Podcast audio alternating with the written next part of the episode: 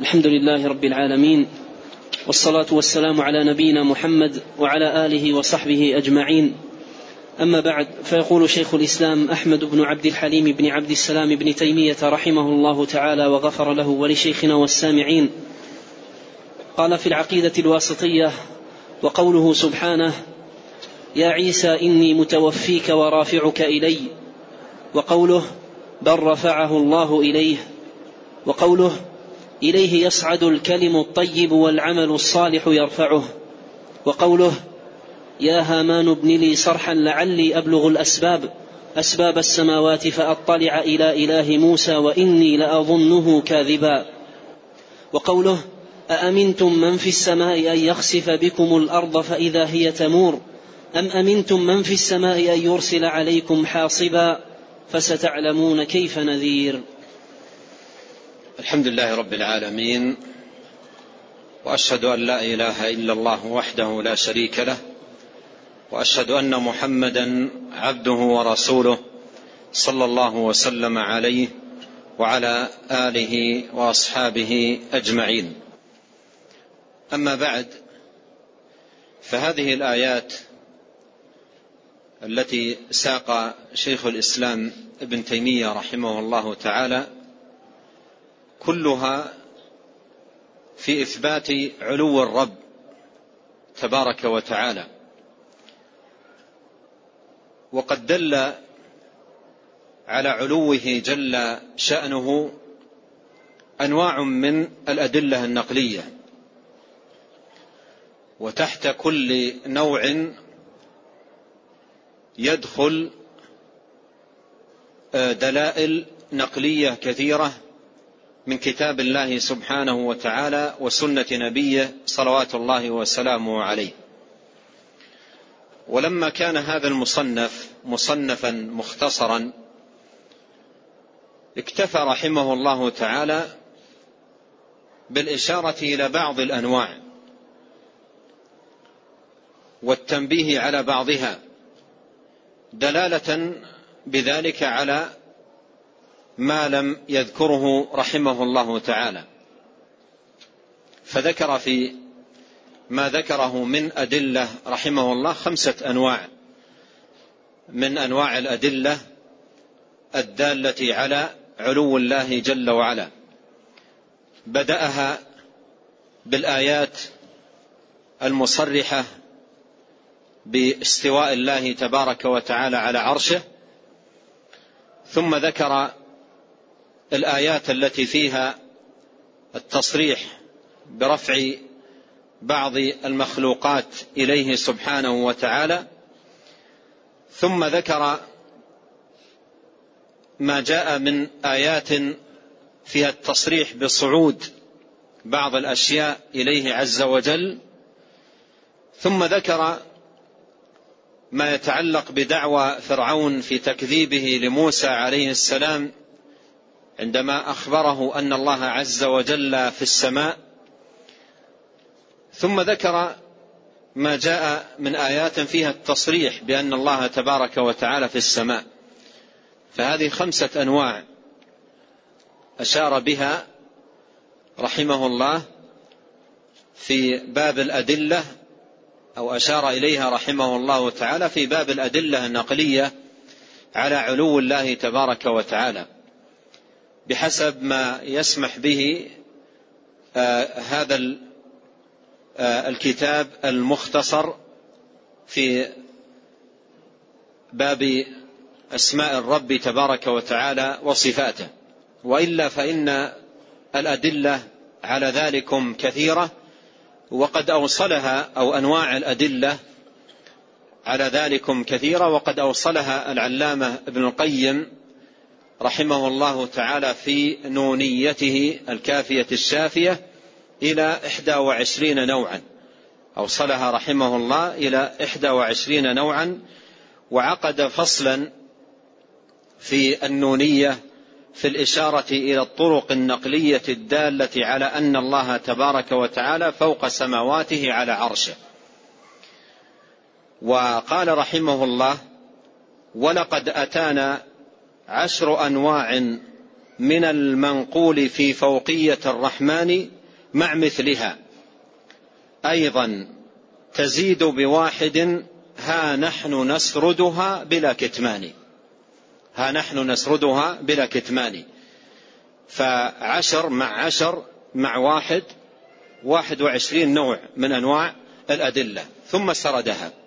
سرد الواحد وعشرين نوعا من أنواع الأدلة على علو الله تبارك وتعالى في أبيات كم تقدرون عددها؟ خمسمائة وثمانين بيتا. خمسمائة وثمانين بيتا ساق فيها ما يتعلق بأنواع الأدلة على علو الله تبارك وتعالى. فإذا كان هذا نفسه رحمه الله في بيان الحق نظما مع ما يعلم ما يتطلبه النظم من مراعاة لأمور وأمور فكيف ببيانه رحمه الله تعالى نثرا؟ وبينها رحمه الله باختصار نافع جدا في كتابه إعلام الموقعين. في كتابه إعلام الموقعين وعنه نقلها نصا الإمام ابن أبي العز الحنفي رحمه الله تعالى في كتابه شرح العقيدة الطحاوية. وشيخ الإسلام آه، ابن تيمية رحمه الله تعالى في في هذا المختصر اقتصر على الإشارة إلى بعض هذه الأنواع. الإشارة إلى بعض هذه الأنواع وسيأتي عنده أيضا إشارة إلى أنواع أخرى من أنواع الأدلة على علو الله عند سوقه للأدلة من السنة. عند سوقه الأدلة من السنة. والإمام ابن القيم لما عقد الفصل الذي أشرت إليه سوق الواحد وعشرين نوعا من أدلة الأدلة النقلية على علو الله عقد بعده فصلا آخر في ذكر ما جاء في السنة من ذلك. ومضى رحمه الله بأبيات يذكر فيها الأدلة من السنة. وبلغ عدد الأبيات التي جمعت بين أدلة القرآن وأدلة السنة على علو الله ما يزيد على الستمائة وخمسين بيتا. ستمائة وخمسين بيتا. والنونية حافلة بالموضوعات المهمة في الاعتقاد والرد على المبطلين. وأبياتها تنقص عن الستة آلاف بيتا بقليل. تنقص عن الستة آلاف بيتا بقليل. خمسمائة وخمسة آلاف وأكثر من ثمانمائة بيت. كلها في نصرة العقيدة وذكر الأدلة عليها وبيان آه، دلائلها وبراهينها وشواهدها. وما يذكره رحمه الله من أحاديث يذكر من رواه من الصحابة ومن خرجه من الأئمة ويحكي الإجماع ويسوق النقول ويورد الأقوال. وللمنظومة شروحات أيضا تعين على فهمها والإفادة منها. فمثل هذه المنظومة النافعة استفادة طالب العلم منها وأيضا حفظ ما يتيسر له حفظه من من أبياتها فإن في هذا خيرا ونفعا وفائدة بإذن الله تبارك وتعالى. قال وقوله يا عيسى إني متوفيك ورافعك إلي. وقوله بل رفعه الله إليه. هاتان الآيتان فيهما نوع من أنواع الأدلة على العلو وهو آه، تصريح آه، برفع بعض المخلوقات إليه. والرفع يكون إلى أعلى فهذا من الأدلة على العلو الرفع يكون إلى أعلى فهذا من الأدلة على العلو قال جل وعلا في شأن عيسى ورافعك إلي وفي الآية الثانية بل رفعه الله إليه أي رفعه إليه سبحانه وتعالى. والرفع يكون إلى أعلى فهذا من البراهين الدالة على علو الله سبحانه وتعالى. يا عيسى إني متوفيك. يا عيسى إني متوفيك. والوفاة هنا ليست هي الموت لأن موت عيسى عليه السلام إنما يكون في آخر الزمان. لأنه عليه السلام ينزل في آخر الزمان من السماء ونزوله آية من آيات الساعة وعلامة من أعلامها وينزل فيكسر الصليب ويضع الجزية ويقتل الخنزير ونزوله آية من آيات الساعة ثم يكون موته في ذلك الوقت وإن من أهل الكتاب إلا ليؤمنن به قبل موته يعني يوم القيامة إذا نزل فإذا الوفاة هنا ليست هي الموت إني متوفيك ورافعك إلي ليست هي الموت. ومما قيل في معنى الوفاة هنا أن المراد بها النوم أي رفع حال كونه نائما. هذا مما قيل في معنى الوفاة هنا هنا. أن المراد بها آه، النوم والنوم يسمى وفاة. قال تعالى الله يتوفى الأنفس حين موتها والتي لم تمت في منامها. ولهذا ثبت في السنة مشروعية يقول من قام من نومه الحمد لله الذي أحياني بعد ما أماتني. فالنوم وفاة صغرى. النوم وفاة صغرى. قال إني يا عيسى إني متوفيك ورافعك إلي. فرفعه الله سبحانه وتعالى إليه شاهد القول أن الآية فيها دلالة على علو الله سبحانه وتعالى لأن الرفع إنما يكون إلى أعلى. ثم أورد قول الله سبحانه وتعالى إليه يصعد الكلم الطيب والعمل الصالح يرفعه. إليه يصعد الكلم الطيب والعمل الصالح يرفعه. الصعود إلى أعلى. يصعد الكلم الطيب إليه أي إلى الله. فصعود الكلم الطيب إلى الله هذا دليل على علو الله سبحانه وتعالى لأن الصعود إنما يكون إلى أعلى. ومثل هذا النوع في الدلالة على العلو ما جاء من تصريح من تصريح في بعض الآيات بعروج الملائكة إليه تعرج الملائكة والروح إليه والعروج إلى أعلى والعروج إلى أعلى. فهذا أيضا من براهين ودلائل علو الله سبحانه وتعالى على خلقه. ولهذا جاء في الصحيح في الصحيحين من حديث أبي هريرة آه، أن النبي صلى الله عليه وسلم قال يتعاقبون فيكم ملائكة بالليل وملائكة بالنهار.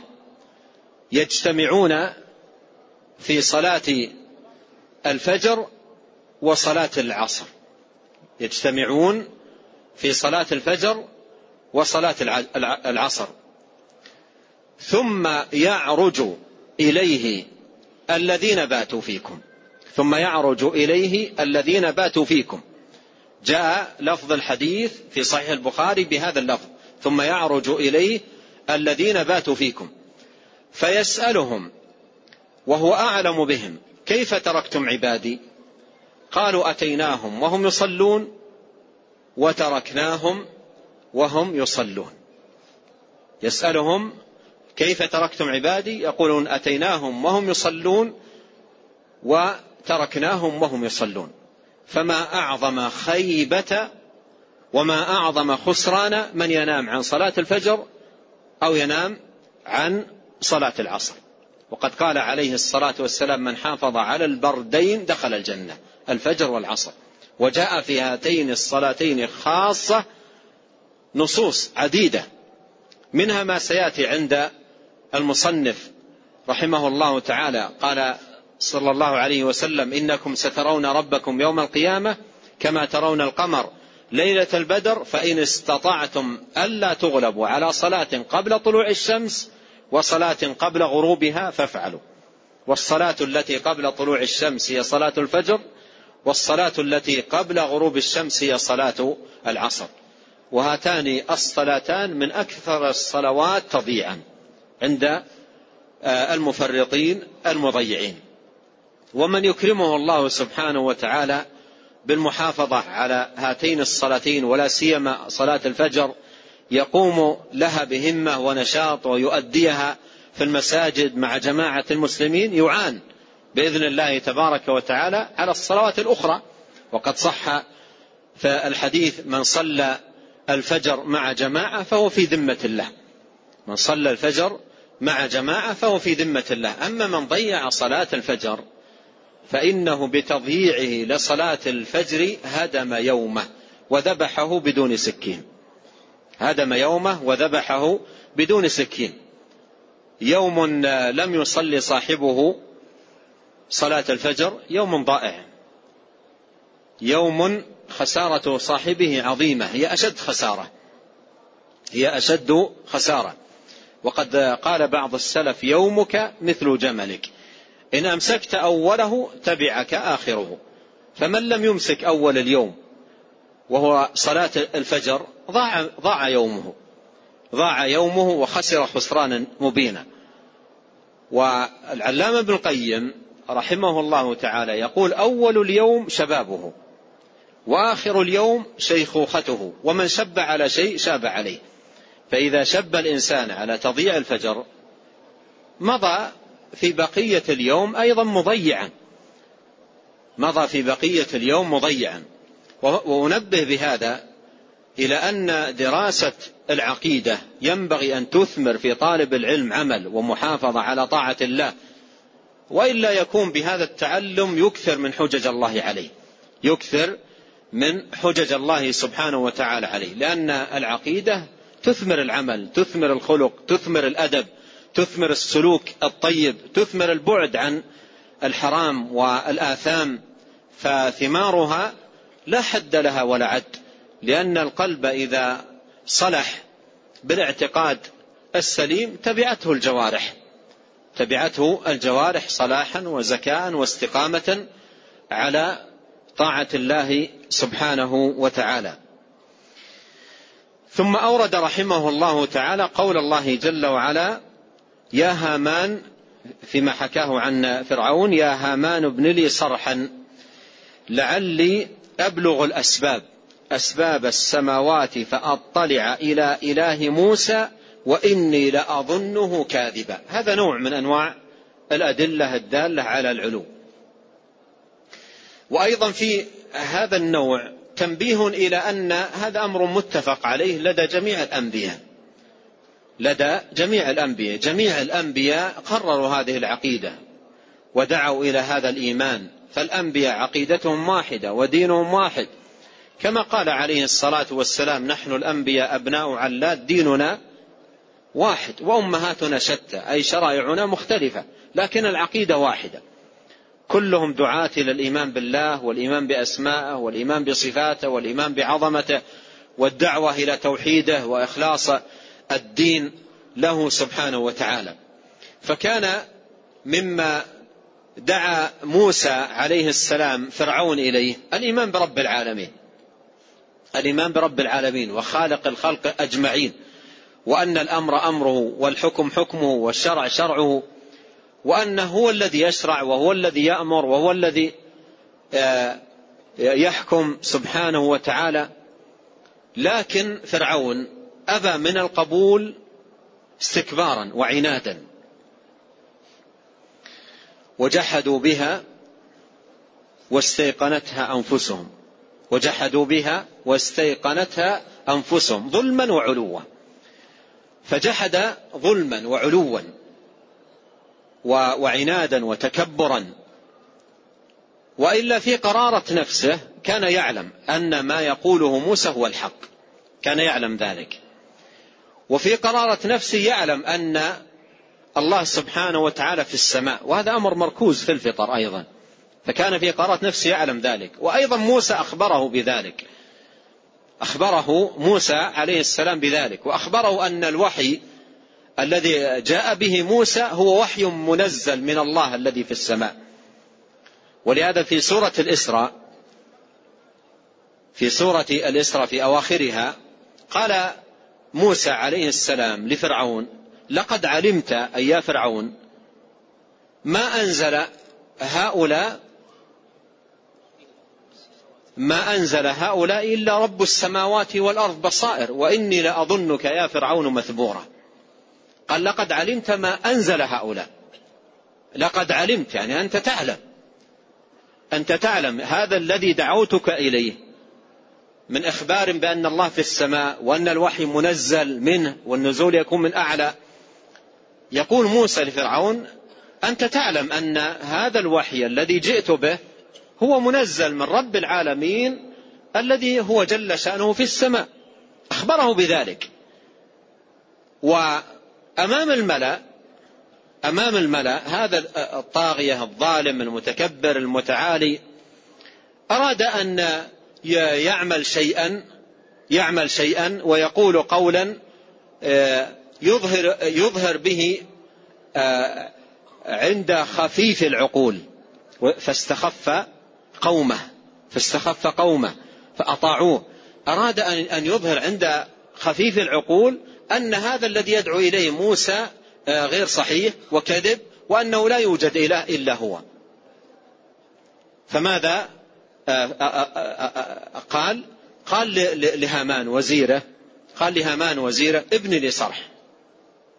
لما قال لما دعا موسى تلك الدعوة وبين له موسى عليه السلام ذاك البيان قال لوزيره أمام الناس والحضور قال ابن لي صرح ابن لي صرح. يعني بناء عالي مرتفع جدا. ابن لي صرحا. لعلي أبلغ الأسباب. لعلي أبلغ الأسباب. والسبب هو آه، الطريق المؤدي إلى الشيء. الطريق المؤدي إلى الشيء. الطريق الموصل إلى آه، المراد يقال له سبب. يقال له سبب. وأيضا الأبواب يقال لها أسباب. لعلي أبلغ الأسباب يعني أبواب السماوات طرق السماوات التي يدعي آه، موسى أن إلهه في السماء فوق. لعلي أبلغ الأسباب. أسباب السماوات فأطلع إلى إله موسى. فأطلع إلى إله موسى وإني لأظنه كاذبا. وإني لأظنه كاذبا. هذه مقالة فرعون. يقول وإني لأظنه أي أظن موسى كاذب في ماذا؟ السياق واضح جدا. وإني لأظنه كاذبا أي أظن أن موسى كاذبا فيما ادعاه من أن الذي نزل عليه الوحي الذي هو رب العالمين جل شأنه في السماء. يقول أظنه كاذبا. أظنه كاذبا فأي في في دعواه. أن الله في السماء. إذا فرعون مكذب.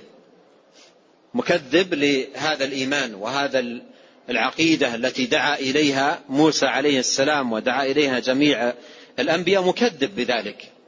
مكذب بذلك. فجاء فيما بعد. جاء فيما بعد الجهمية الضلال. وشاركوا فرعون في التكذيب بهذا الإيمان. شاركوا في التكذيب بهذا الإيمان شاركوا في التكذيب بأن الله في السماء. ولهذا كان كما يقول ابن القيم رحمه الله, رحمه الله تعالى كان أهل العلم يسمون هؤلاء الفرعونية. يسمونهم الفرعونية لأن سلفهم في هذا التكذيب فرعون. لا يعرف لهم سلف في هذا التكذيب إلا فرعون هو الذي كذب آه، في من سبق بأن الله تبارك وتعالى في السماء. كذب بذلك وجحد. ولهذا كانوا يقولون في من يؤمن بأن الله في السماء موسوي محمدي ومن يكذب بأن الله في السماء فرعوني لأن هذا التكذيب هو عقيدة فرعون. ومن كان على شاكلته في التكذيب بما جاء به الأنبياء وبما أيضا هو مركوز في الفطر قال وإني لأظنه كاذبا. أي أظن موسى كاذبا فيما آه، ادعاه من آه، من آه، أن الله سبحانه وتعالى في السماء.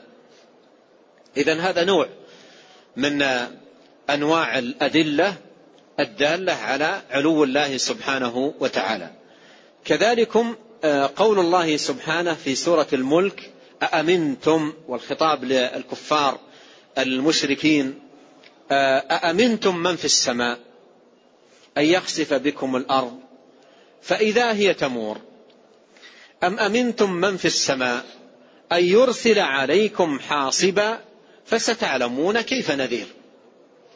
أأمنتم من في السماء أن يخسف بكم الأرض؟ الأرض التي التي تمشون عليها. هل تأمنون أن يخسف الله بكم الأرض التي تمشون عليها؟ وهل تأمنون أن, أن يرسل الله عليكم حاصبا؟ رياح شديدة تحمل الحصباء فيهلككم؟ وكان من أمر المشركين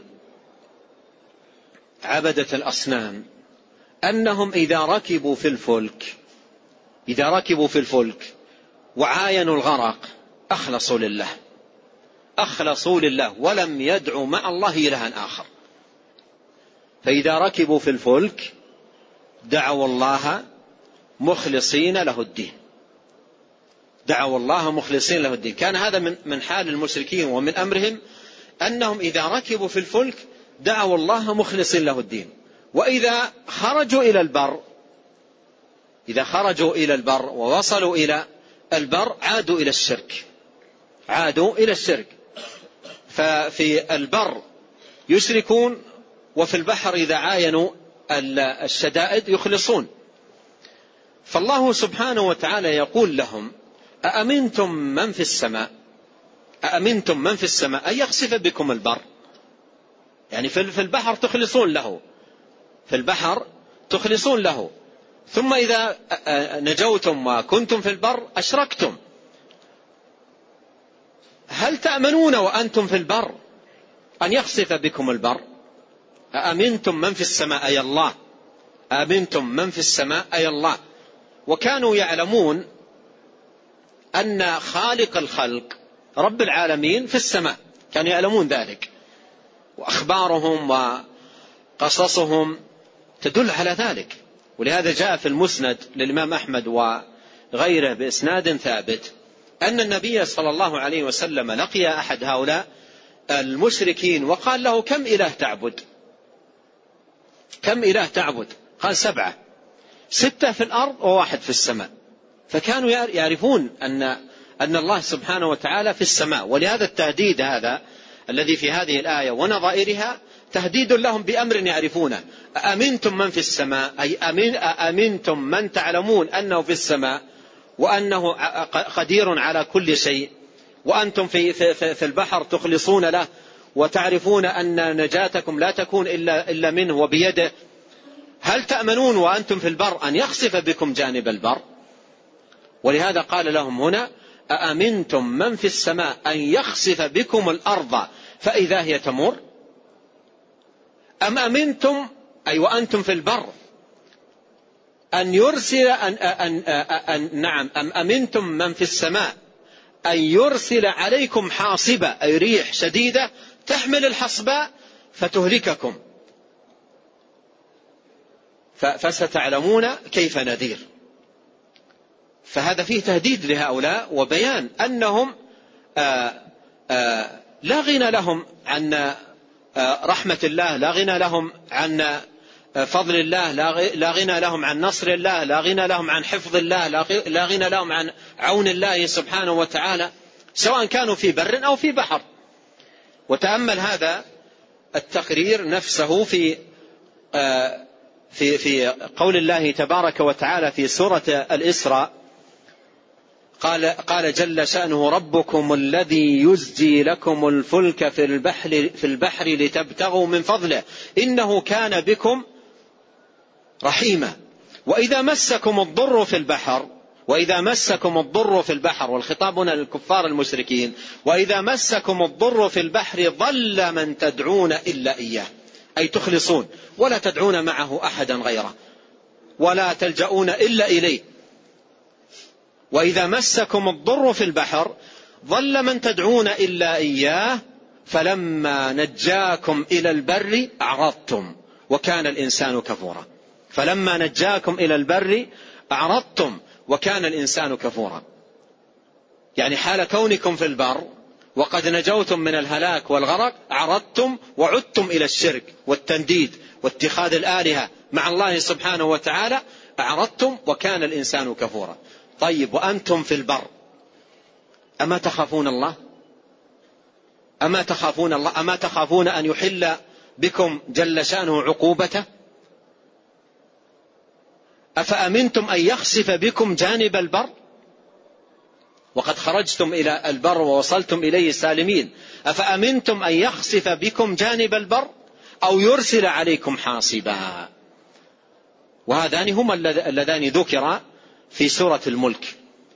أن يخسف بكم جانب البر أو يرسل عليكم حاصبا. في سورة الملك قال أأمنتم من في السماء؟ أن يخسف أأمنتم من في السماء؟ أن يخسف بكم الأرض فإذا هي تمور؟ أم أمنتم من في السماء؟ أن يرسل عليكم حاصبا فستعلمون كيف نذير. فذكر ذلكم جل شأنه في سورة الإسراء. قال وكان الإنسان كفورا أفأمنتم أن يخسف بكم جانب البر أو يرسل عليكم حاصبا؟ ثم لا تجدوا لكم آه ثم لا تجدوا لكم وكيلا؟ أم أمنتم أم أمنتم أن يعيدكم فيه تارة أخرى؟ يعيدكم فيه ما هو؟ البحر. أم أمنتم أن يعيدكم فيه تارة أخرى؟ أي في وقت آخر تبدو لكم مصلحة حاجة تجارة تركبون البحر مرة أخرى مثل ما ركبتموه في المرة الأولى ونجوتم. أم أمنتم أن يعيدكم فيه تارة أخرى؟ فيرسل عليكم قاصفا من الريح فيغرقكم بما كفرتم ثم لا تجدوا لكم علينا به تبيعا. أي قدرة الله سبحانه وتعالى عليكم في كل مكان في البر وفي البحر وفي السماء وفي كل مكان الله قدير عليكم. فلما هذا الشرك؟ في حال الشدائد والإخلاص في حال الرخاء. هذا تهديد. نعم فلماذا هذا الشرك في الرخاء والإخلاص في الشدائد؟ هذا تهديد لهؤلاء. تهديد لهؤلاء وبيان لأن الله سبحانه وتعالى على كل شيء قدير وأن الواجب على العبد أن يكون دائما وأبدا في ذل وخضوع وافتقار والتجاء إلى الله وحده سبحانه وتعالى دون سواه. وهذه الحال البئيسة التي كان عليها المشركون من حيث أنهم يشركون في آه، الرخاء ويخلصون في الشدة بلغ أقوام مبلغا أشد من ذلك وهو شرك في الشدة والرخاء. شرك في الشدة والرخاء. من أولئك الذين يتعلقون بالمقبورين والموتى وما يسمون بالأولياء.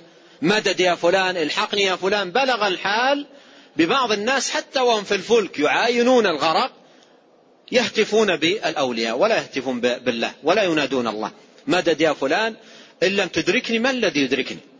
ولهذا قرأت مرة في أحد آه، كتب التفاسير في حاشية على أحد كتب التفاسير. أحد العلماء يذكر قصة عن أناس كانوا في سفينة.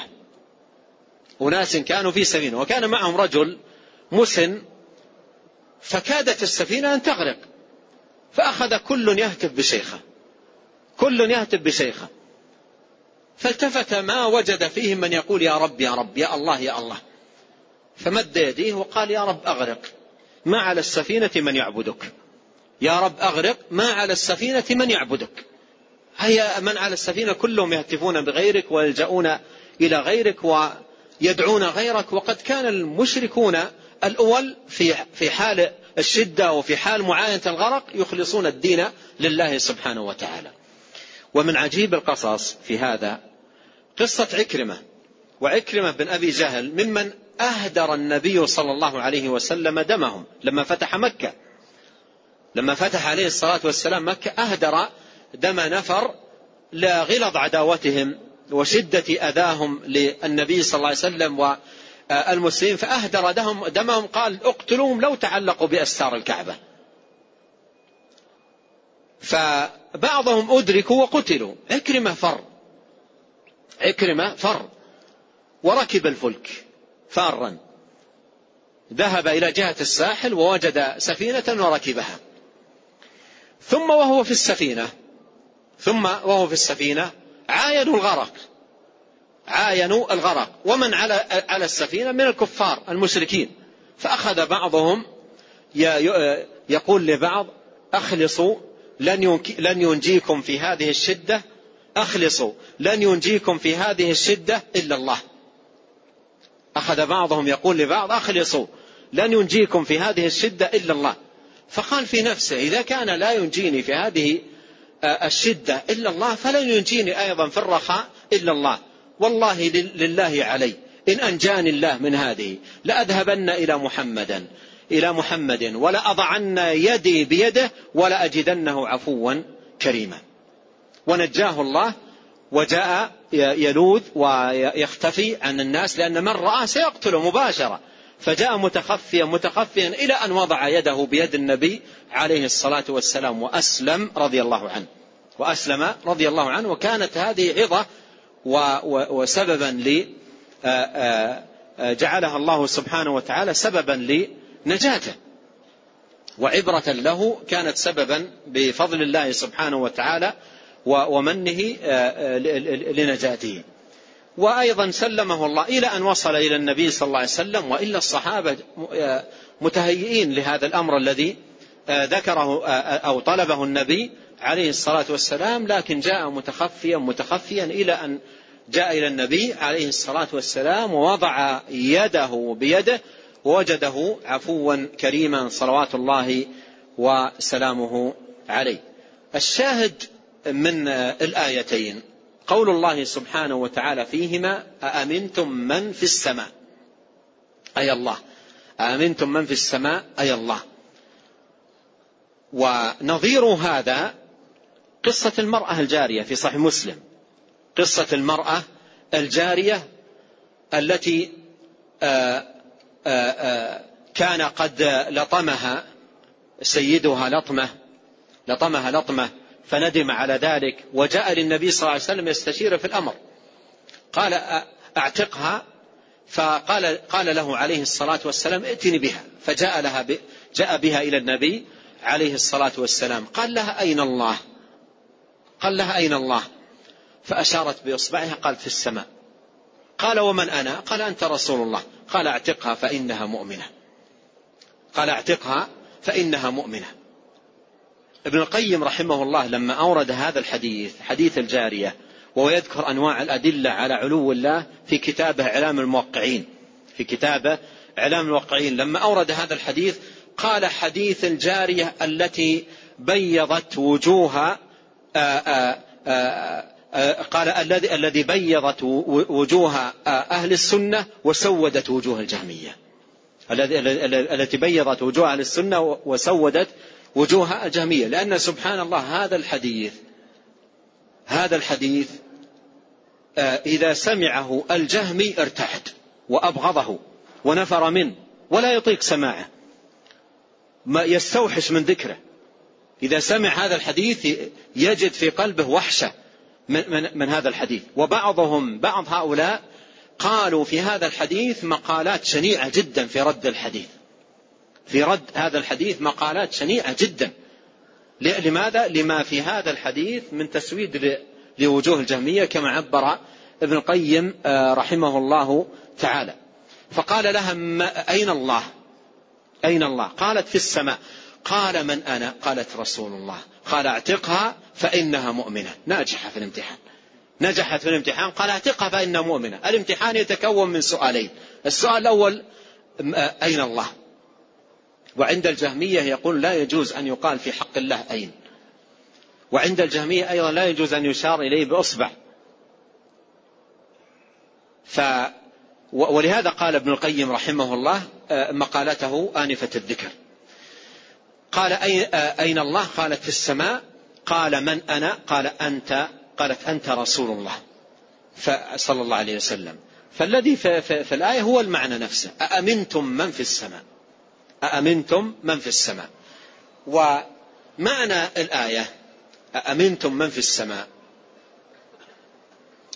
السماء في في في في, في آيات القرآن الكريم وفي دلالة اللغة. تطلق ويراد بها السماء المبنية. ويراد بها السماء المبنية. وتطلق أيضا ويراد بها العلو. الآن عندما نقرأ قول الله سبحانه وتعالى أنزل من السماء ماء. أنزل من السماء ماء. من السماء قال. ما المراد بالسماء هنا؟ المبنية أو العلو؟ الآن نحن في هذا الزمان نركب الطائرة. نركب الطائرة. ونكون في الطائرة فوق السحاب. نكون في الطائرة فوق السحاب. و و والسماء فوقنا والسحاب تحتنا ويمطر على الناس. ويمطر على الناس. والآية يقول الله أنزل من السماء ماء. ما معنى أنزل من السماء؟ أي من العلو. فالسماء تارة يطلق, تطلق ويراد بها العلو وتارة تطلق ويراد بها المبنية. قال تعالى والسماء بنيناها بأيد. والسماء بنيناها بأيد. السماء هنا المبنية.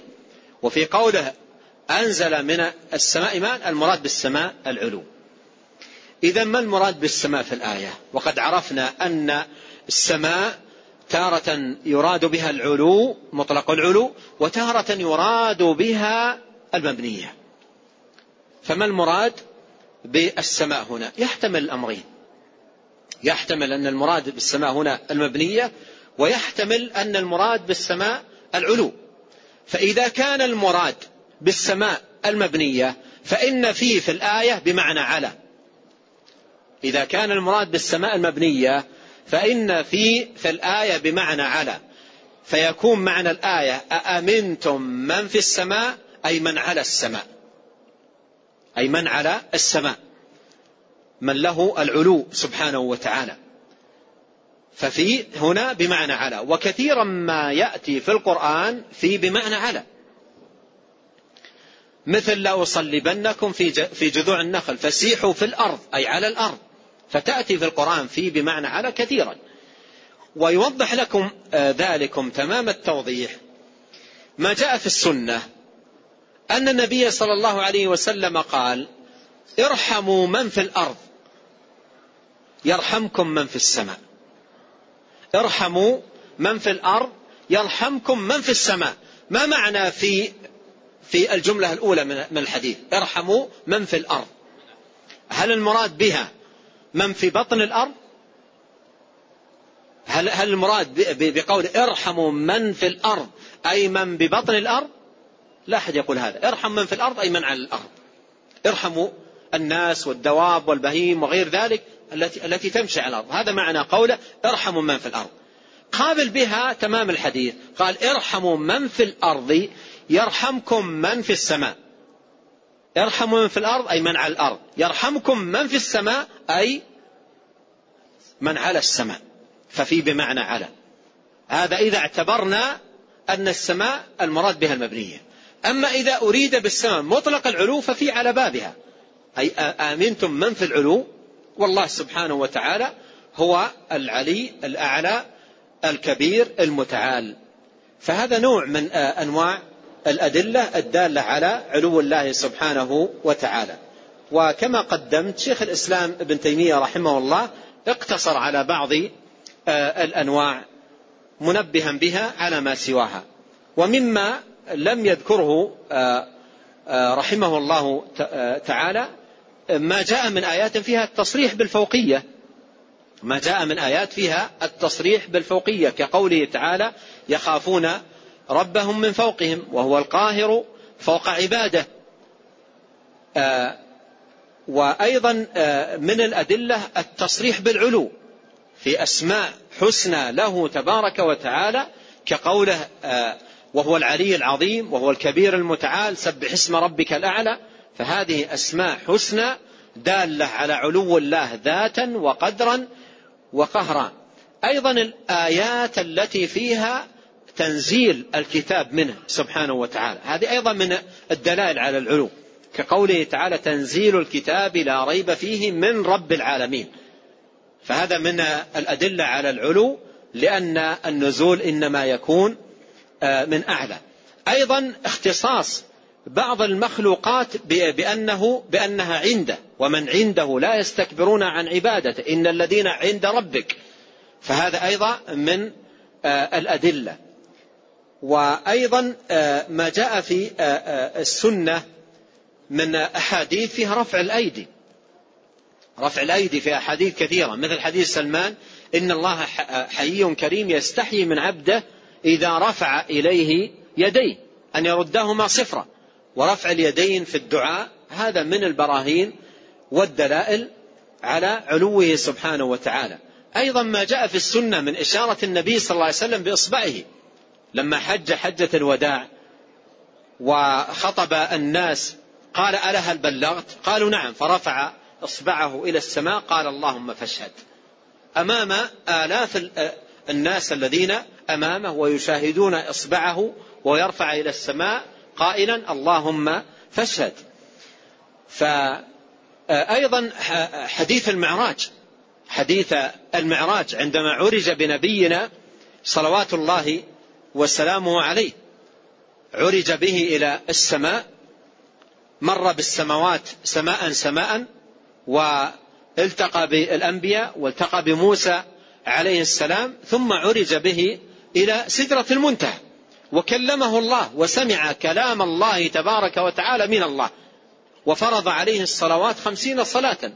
ثم نزل عليه الصلاة والسلام فلقيه موسى وقال له إن أمتك لا تحتمل ذلك. فارجع إلى ربك واسأله التخفيف. فهذا يتردد بين موسى وبين الله صاعدا نازلا إلى أن نزل بخمس صلوات بالفعل وخمسين في الأجر.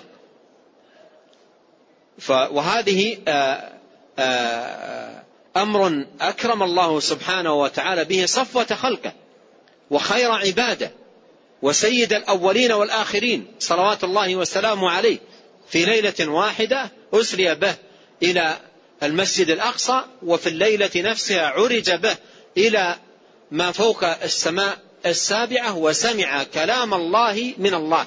سبحانه وتعالى. والمسافة بعيدة. تعرج الملائكة والروح إليه في يوم كان مقداره خمسين ألف سنة. كل هذه المسافات الطويلة في ليلة واحدة. والله تبارك وتعالى على كل قطعها عليه الصلاة والسلام في ليلة واحدة. والله على كل شيء قدير. فمن ينكر علو الله أيضا ما يقول في هذه الفضيلة العظيمة التي خص الله بها سيد ولد آدم أجمعين صلوات الله وسلامه عليه. الشاهد أن الأدلة على علو الله سبحانه وتعالى في القرآن والسنة آه، كثيرة من حيث أفراد الأدلة.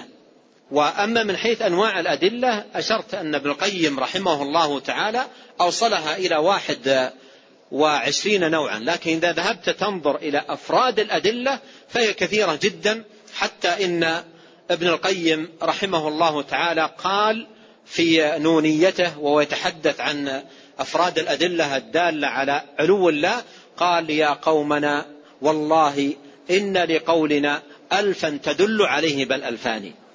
والله إن لقولنا ألفا تدل عليه بل ألفان. يعني قولنا بأن الله سبحانه وتعالى آه، في العلو وأن العلو ثابت لرب العالمين في القرآن والسنة أدلة ليست بالعشرات ولا بالمئات بل ألف أو ألفان في القرآن والسنة من الأدلة الدالة على علو الله سبحانه وتعالى. نسأل الله العلي الأعلى الكبير المتعال أن ينفعنا بما علمنا وأن يزيدنا علما وأن يصلح لنا شأننا كله وأن لا يكلنا إلى أنفسنا طرفة عين والله أعلم وصلى الله وسلم على عبده ورسوله. نبينا محمد وآله وأصحابه أجمعين. أحسن الله إليكم وبارك فيكم ونفعنا الله بما قلتم وغفر الله لنا ولكم وللمسلمين. يقول هذا السائل هل نثبت ما يقابل الصفة الفعلية الثابتة لله تعالى كالنزول الصعود والمجيء الذهاب والاستواء؟ هكذا. إيش يقول؟ يقول هل ظهر نفس سؤال الأمس يقول هل نثبت ما يقابل الصفة الفعلية؟ ما إيش؟ هل نثبت ما يقابل الصفة الفعلية؟ يعني كأن الصفة صفات الله صفات الله تبارك وتعالى توقيفية. صفات الله تبارك وتعالى توقيفية. فما ثبت في النصوص نثبته لله تبارك وتعالى وكما قال السلف رحمهم الله ندور مع السنة حيث دارت. ونكتفي بالوارد في كتاب الله وسنة نبيه صلوات الله وسلامه عليه. نعم. السؤال صحيح يا شيخ؟ نعم. يعني كل صفة فعلية نثبت ما يقابلها صحيح السؤال؟ الأصل في الإثبات هو ما أشرت إليه. الأصل في الإثبات أن يثبت ما دل عليه الدليل ونقف عند النص. لا نتجاوز النص بزيادة ولا نقصر عنه بنقصان. نعم. أحسن الله إليكم. يسأل عن معنى قول السلف بائن من خلقه. معنى هذه الكلمة واضح. مقصود بائن أي ليس في ذاته شيء من مخلوقاته ولا في مخلوقاته شيء من ذاته. فهو جل وعلا مستو على عرشه بائن من خلقه. نعم. أحسن الله إليكم. يقول ما وجه الدلالة على بالعندية على العلو؟ وجه الدلالة في العندية. لأن من لا يثبت العلو ماذا يقول؟ من لا يثبت العلو ماذا يقول؟ ليس أمامه إلا أحد قولين لا ثالث لهما. إما أن يقول بمقالة من يقولون الله في كل مكان فما وجه اختصاص بعض المخلوقات بأنها عنده؟ إذا كان بزعم هؤلاء أن الله في كل مكان. فما وجه اختصاص بعض المخلوقات بأنها عند الله سبحانه وتعالى؟ والقول الآخر آه، قول أيضا فريق آخر من الضلال وهو أنهم يقولون الله لا فوق ولا تحت ولا وهذا عدم. فأيضا ما وجه آه، آه، القول بأن بعض المخلوقات عنده. فلا يستقيم هذا إلا في من يثبت العلو. لا يستقيم هذا إلا في من يثبت العلو لله سبحانه وتعالى. نعم.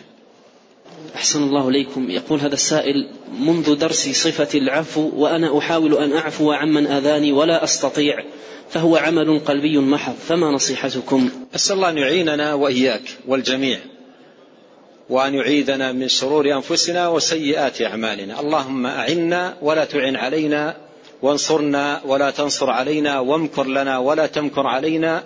واهدنا ويسر الهدى لنا وانصرنا على من بغى علينا. اللهم اجعلنا لك شاكرين لك ذاكرين إليك أواهين منيبين لك مخبتين لك مطيعين. اللهم تقبل توبتنا واغسل حوبتنا وثبت حجتنا واهد قلوبنا وسدد ألسنتنا واسلل سخيمة صدورنا.